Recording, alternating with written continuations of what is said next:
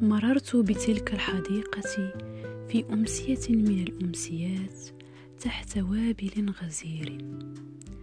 فتذكرت كيف استلقيت على أرضها في ذروة حر الصيف الماضي وتركت قدمي تنزلقان خارجتين من الحذاء حتى تداعب العشب.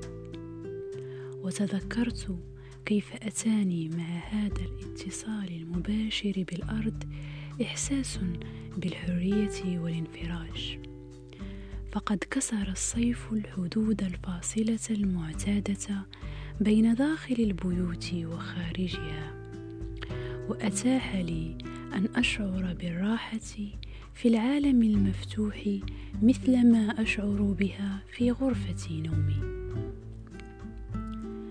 أما الآن فقد عادت الحديقة غريبة من جديد وبات العشب أرضا حراما تحت مطر لا ينقطع.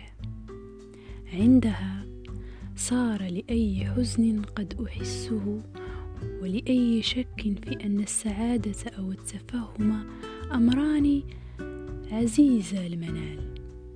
ما يؤيدهما في مظهر المباني القرميدية الداكنة المشبعة ماء. وفي تلك السماوات الواطئة التي تصبغ عليها أضواء مصابيح شوارع المدينة لونا برتقاليا. تضافرت هذه الشروط المناخية مع سلسلة حوادث وقعت في الوقت نفسه تقريبا.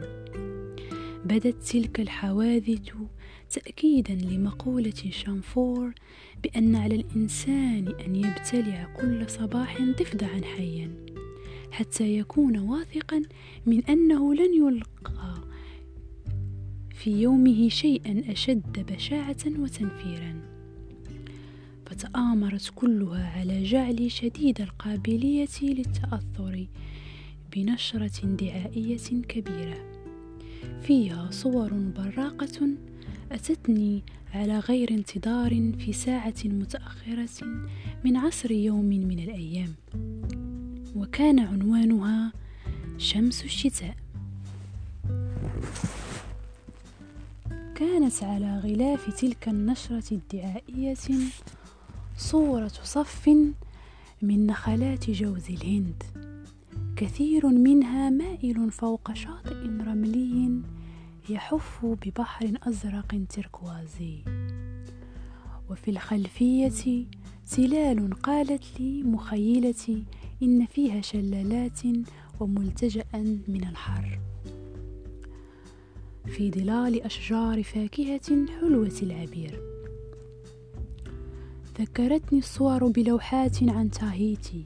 أتى بها ويليام هوديكس من ترحاله مع الكابتن كوك وكان فيها خليج استوائي ضحل تحت ضياء المساء الناعم وفتيات محليات باسمات تتواثبن فرحات خاليات البال حافيات أيضا بين الخضرة الوارفة.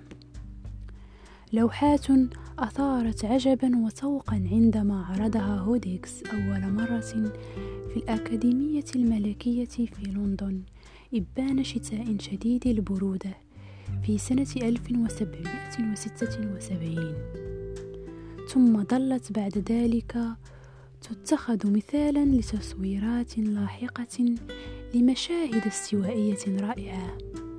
من بينها تلك التي كانت على صفحات نشرة شمس الشتاء.